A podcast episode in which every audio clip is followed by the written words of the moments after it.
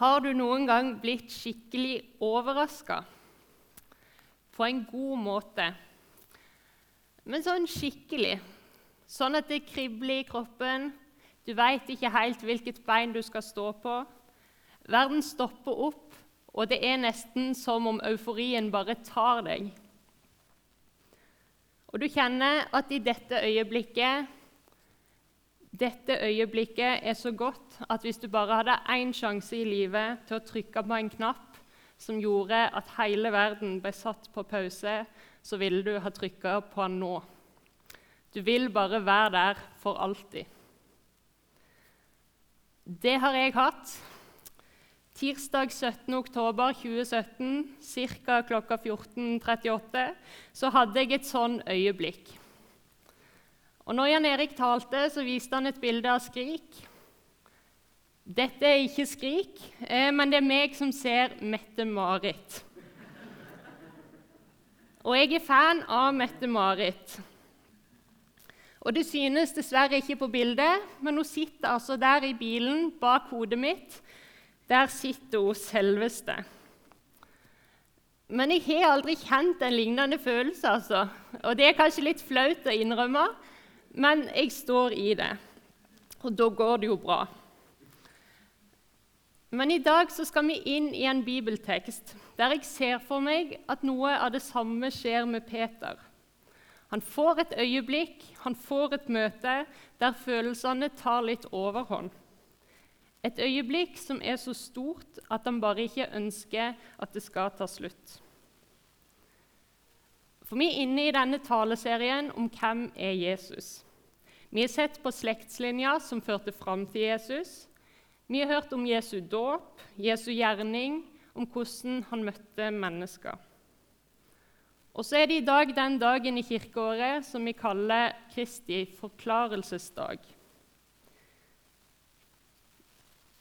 Det er den dagen der Jesus, Jesus blir forklart for oss. Og Vi skal se på Jesus' storhet og Jesus alene.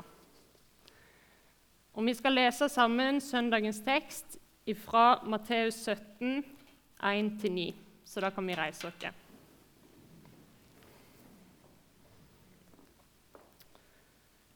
Seks dager senere tok Jesus med seg Peter, Jakob og hans bror Johannes og førte dem opp på et høyt fjell hvor de var alene. Da ble han forvandlet for øynene på dem. Ansiktet hans skinte som solen, og klærne ble hvite som lyset. Og se, Moses og Elia viste seg for dem og snakket med ham.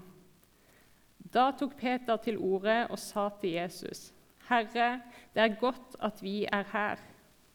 Om du vil, skal jeg bygge tre hytter, en til deg, en til Moses og en til Elia. Mens han ennå talte, kom en lysende sky og skygget over dem, og en røst lød fra skyen. Dette er min sønn, den elskede. I ham har jeg min glede. Hør ham. Da disiplene hørte det, kastet de seg ned med ansiktet mot jorden, grepet av stor frykt. Men Jesus gikk bort og rørte ved dem og sa, Reis dere, og vær ikke redde. Og da de løftet blikket, så de ingen andre enn ham, bare Jesus. På veien ned fra fjellet ga Jesus dem dette påbudet. Fortell ikke noen om dette synet før menneskesønnen har stått opp fra de døde. Amen.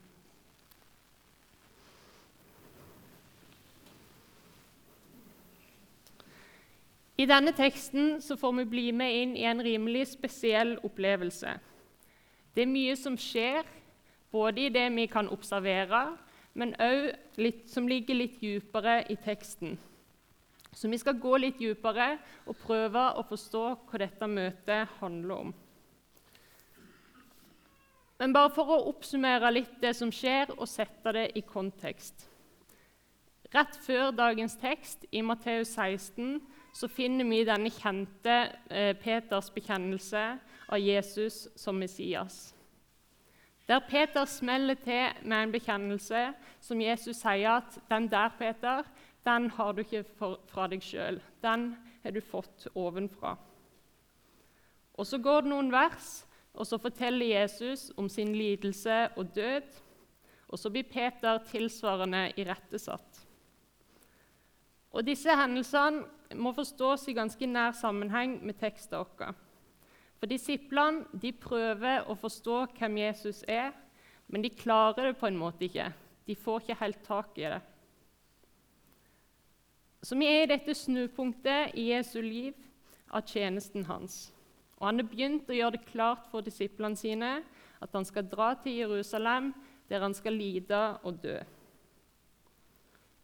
Og Så er de på vei dit, og så får noen av disiplene dette glimtet av Jesus, hvem han egentlig er, før veien rettes mot Golgata.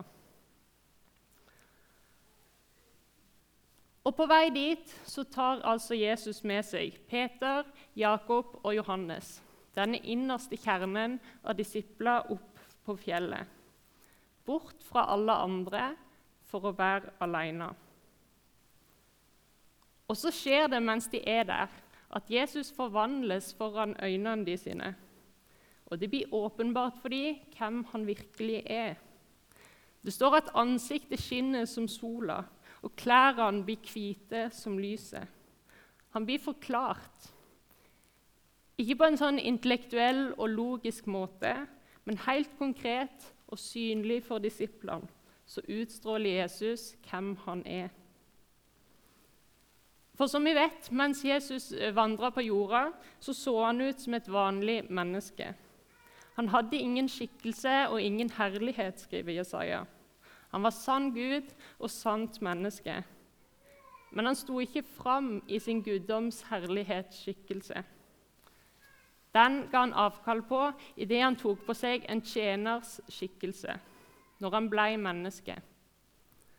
Så alle som så og hørte Jesus, de så og de hørte et menneske. Men så var det noen, sånn som disiplene, som hadde kommet til den erkjennelsen at Jesus han var noe mer. Dette mennesket er Guds sønn. For han gjorde ting, og han sa ting som ingen mennesker kunne gjøre. Og Det inntrykket de fikk, det skapte tro på Jesus som Guds sønn. Men her på fjellet så forvandles og forklares Jesus for dem. Det var ikke noen sånn lyskaster som skinte ned, og som lyste opp Jesu ansikt. Men det er Jesu egen guddoms herlighet som lyser ut av ansiktet og fra kroppen. Sånn at Jesu ansikt lyste opp som sola, og klærne ble hvite som lyset. Og De ble så hvite at ingen som bleiker klær her på jorda, kan få de så hvite, skriver Markus. Han er helt ren. Og den guddommelige herlighets lysglans fikk for et lite øyeblikk trenge gjennom, sånn at disiplene fikk et glimt av hvem Jesus er, at han er Gud. Og så plutselig så står de der, Moses og Elia. Selveste Moses og Elia, som disiplene hørte om, og som de har lest om disse trosheltene. Og Det er her disse lange, dype linjene får et helt konkret uttrykk. Idet du har Jesus stående ved sida av disse så sentrale skikkelsene i jødisk historie. At Moses og Elia er her, viser hvor nært den nye pakten som Jesus grunnla, var knytta til den gamle pakten. For Moses og Elia, disse representantene for den gamle pakten, de blir en slags personifisering av loven og profetene. Og Guds plan med den gamle pakta ble fornya og fullført i den nye pakta ved Jesus. Rolf Kjøde har skrevet om tekster at alt før Jesus er på sett og vis skygger. For det er jo sånn at der det stråler et sterkt lys, da blir det òg skygger. Så du har denne dobbeltheten, på en måte. At ja, Det var lys, det var ansatser, det var sann åpenbaring i Det gamle testamentet. Men så finner vi dette nye testamentet skjult i det gamle, og Det gamle testamentet åpenbart i det nye, som Augustin sa. For det er først i lyset av Det nye testamentet at vi kan forstå det gamle. Ikke bare og Naturligvis er Det gamle testamentet helt nødvendig for å forstå det nye. Ikke bare som skrift, men som åpenbaringa av Jesus. Og så leste Jon Ketil fra hebreerbrevet at Jesus var større enn englene. Han er større enn profetene, og så fortsetter det videre utover i brevet med at han er større enn Moses, og han er større enn alle. Jesus overstråler alle, sånn som han gjorde på fjellet. Jesus er han som overstråler loven og profetene sine største representanter. Det er Jesus Kristus som stiger frem, og som stråler frem.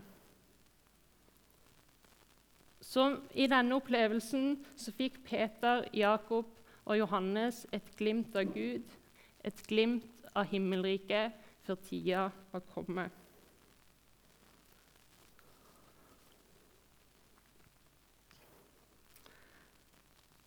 Og Nå skal jeg absolutt ikke sette noe likhetstegn mellom mitt møte med Mette-Marit og dette møtet. Men ut fra Peters spontane reaksjon så ser jeg for meg at det var rimelig høy puls og mye følelser i sving her òg. Og jeg vil tro at han huska dagen og timen det skjedde. For det er jo en helt vanvittig opplevelse som de utsettes for.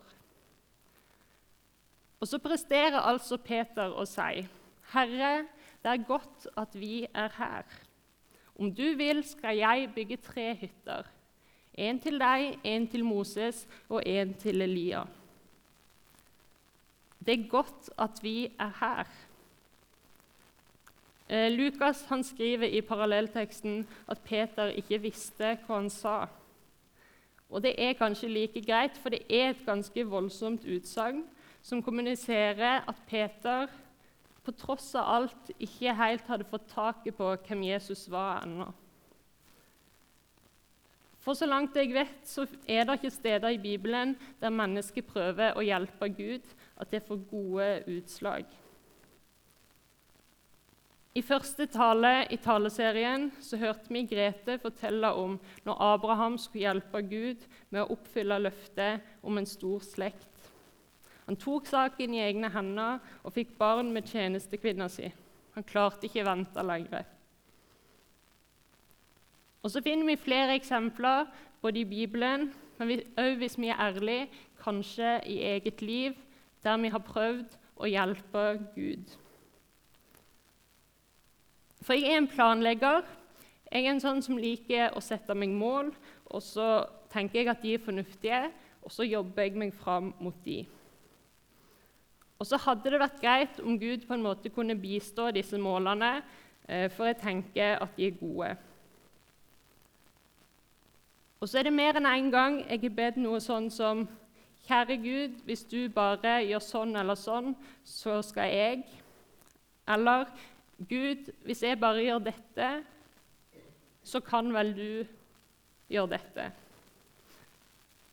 Og da trenger jeg sånne tekster som denne. Da trenger jeg å bli med Jesus opp på fjellet og få se hans storhet. Og bli minnet om hvor mye større Gud er, at han er så uendelig stor at jeg kan ikke fatte det. Så kanskje vi kan kjenne oss litt igjen i Peter. Når du er i en sånn situasjon, som er god, som er fin, så kan en refleks nærmest være at her vil jeg bli værende. Og Peters go-to er tydeligvis å bygge hytte. Akkurat der er vi litt forskjellige, men jeg tolker det som et uttrykk for at her vil jeg bli værende. Her vil han at både Jesus og Moses og Elia skal bli værende. Han vil på en måte tviholde på dette øyeblikket, Kan vi ikke bare bli her, Gud?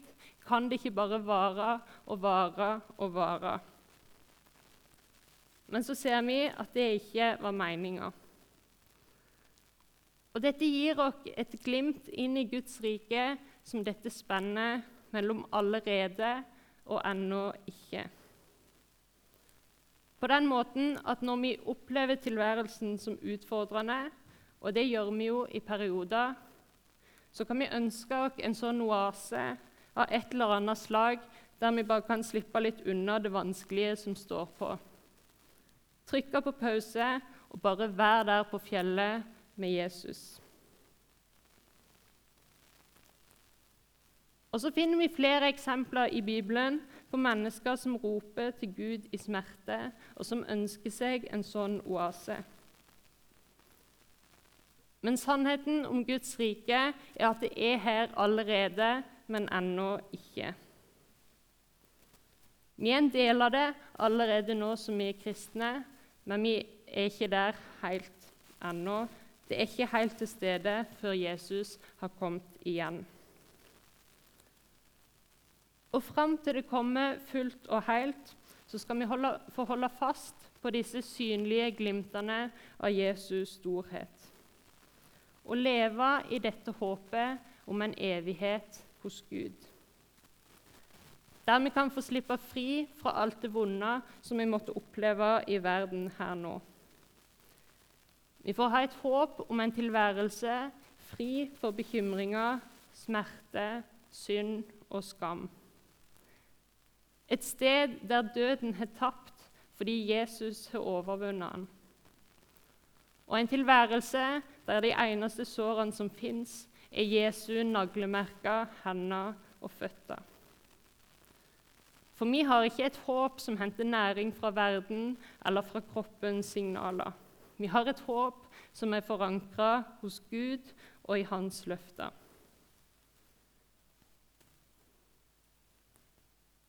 Peter og Jakob og Johannes de fikk et møte som de nok skulle huske resten av livet. Og som de hadde med seg som bagasje inn i disse vanskeligere tidene som nå skulle møte dem. Det var et viktig møte, men de skulle ikke bli der. De skulle ikke bygge hytte.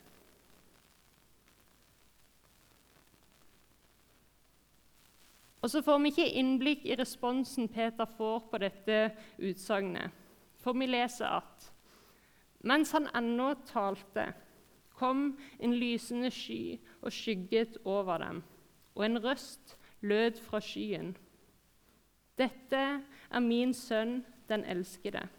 I ham har jeg min glede. Hør ham. Og nå blir det stille fra Peter. Og så skjer det som alltid skjer når mennesker forstår at de er i Guds nærhet. Disiplene kaster seg til jorda i frykt. For her er han igjen, den samme røsten som lød når Jesus ble døpt. Røsten som kom for disiplene sin del og for vår del. En hjelp til å skjønne Jesus' storhet, hans guddom og herlighet. Røsten som kom for at vi skal kunne forstå. For at vi skal få vende blikket vårt mot stedfortrederen, på Han, Guds lam, som bærer verdens synd. Som bærer min synd, og som bærer din synd. Vi får se redninga. Han som går inn i mitt og ditt sted. Denne mektige røsten det er Gud sjøl som demonstrerer sin storhet, og som peker på Jesus og sier, 'Se der.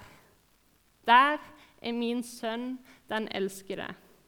I han har jeg min glede. Hør han.' Og så vil jeg tro at Peter glemmer alt om å hjelpe Jesus og om å bygge hytte. For nå får han se og kjenne på Jesus' storhet, på Guds storhet. Og I møte med den så har både Peter og vi her inne veldig lite å stille opp med. Og så har jeg tenkt på det. Tenk om Gud bare hadde slått ned gjennom taket her i misjonssalen. Tenk om Gud hadde gjort det. Da hadde vi hatt noe å fortelle om. Da hadde vi noe å si på jobb i morgen. Og jeg er ganske sikker på at jeg hadde tenkt noe sånn som at jeg skal aldri mer tvile. Etter denne opplevelsen skal jeg aldri gjøre noe annet enn å følge Jesus. Sånn tror jeg vi har lett for å tenke, for da hadde vi jo vært helt sikre på at Gud var med oss, hvis vi hadde noe sånt å vise til. Da kunne jeg retta meg opp i ryggen, gått ut i verden med vissheten om at Jesus er på mitt lag. Men hvis vi leser andre lignende historier i Bibelen der mennesker får møte Gud, så er det rare at det er ikke alltid sånn. Det er nok ikke sånn vi mennesker fungerer. Og det var ikke sånn verken for Moses, Elia eller Peter heller. Og Da regner jeg med at det ikke er sånn for oss. For både Moses og Elia hadde sine sterke, nære, overveldende møter med Gud. Men likevel kan vi lese at de tviler på han og hans allmakt i etterkant. Opplevelsene i seg sjøl holdt ikke. Elia som hadde med seg denne store opplevelsen på Karmelfjellet, som vi kan lese i første kongebok 18. Der han hadde klokketro på Gud, og Gud demonstrerer sin storhet med å sende en ild som slikker opp både brennoffer, vann og det som var. Men Elia, som bare ei side seinere i Bibelen, i kapittel 19, ligger under en busk i ørkenen og ber Gud om å få dø. Elia han var òg bare et menneske, men òg der, under busken, så møter Gud Elia. Og Tilbake i teksten vår så leser vi at også Jesus går bort til disiplene som ligger redde på bakken. Han rører ved dem, og så sier han, 'Reis dere, og vær ikke redde.' Og Når de løfter blikket, så ser de ingen andre enn han. De ser bare Jesus. Moses og Elia er borte. For loven som ble gitt ved Moses, men nåden og sannheten den kom med Jesus. Og Etter denne store opplevelsen så står disiplene igjen med Jesus alene. Han som alt skulle peke fram mot. Både forklarelsen, Moses og Elia, og til sist Guds egen røst hadde én hensikt og åpenbare Jesus for disiplene. Retta hjertene og sinnene deres mot han, sånn at de skulle høre han og tro han. Og det samme til oss. Hvis vi skjønner hvem Jesus er, at vi blir forklart hvem han er, så kan vi òg forstå at det er Jesus alene som gjelder. For disiplene hadde hørt loven, de hadde hørt profetene, men nå sier Gud, 'Hør Han'. Og Vi trenger profetene og vi trenger loven for å forstå Jesus, for å forstå det han har gjort. Men når vi har fått se Jesus, når vi har Jesus, så trenger vi bare han. Det er han vi skal høre på. I han er frelsen, og i ingen annen. Det er Jesus alene som frelser. Vi skal gå mot en avslutning, men til slutt Gud sa, 'Hør ham'. Vi skal høre på han som vi har hørt om tidligere i taleserien. Som Jan Erik sa, Jesus han stansa med den blinde i Jeriko. Og Så spurte han, 'Hva vil du jeg skal gjøre for deg?' Vi skal høre på Jesus, som hører ropene fra djupet av hjertet vårt, og som er svaret på alle våre djupeste behov. Vi skal høre på Han som Moses og Elia, loven og profetene peker fram mot. Vi skal høre på Han som har kontroll, og som ikke er avhengig av at vi bygger hytte. Og vi skal høre på Han som har fått all makt, som bekjente og tok på seg all verdens synd i sin dåp, og som gikk inn som stedfortreder for oss. Guds lam som bærer verdens synd. Guds lam som bærer din synd, og som dermed er redninga di. Han du kan stole på. Som oppfyller all rettferdighet og som trer inn i vårt sted. Vi skal høre på Jesus som overstråler alle, sånn som han gjorde på fjellet. Og da trenger vi ingenting annet. Da trenger vi bare Jesus. Vi ber til slutt. Kjære gode far, takk for at du som er størst, og som har all makt, og som viste deg for disiplene på fjellet, tar imot oss når vi kommer til deg. Takk for at du kjenner oss, og takk for at du holder. Takk for at Jesus alene er nok. Amen.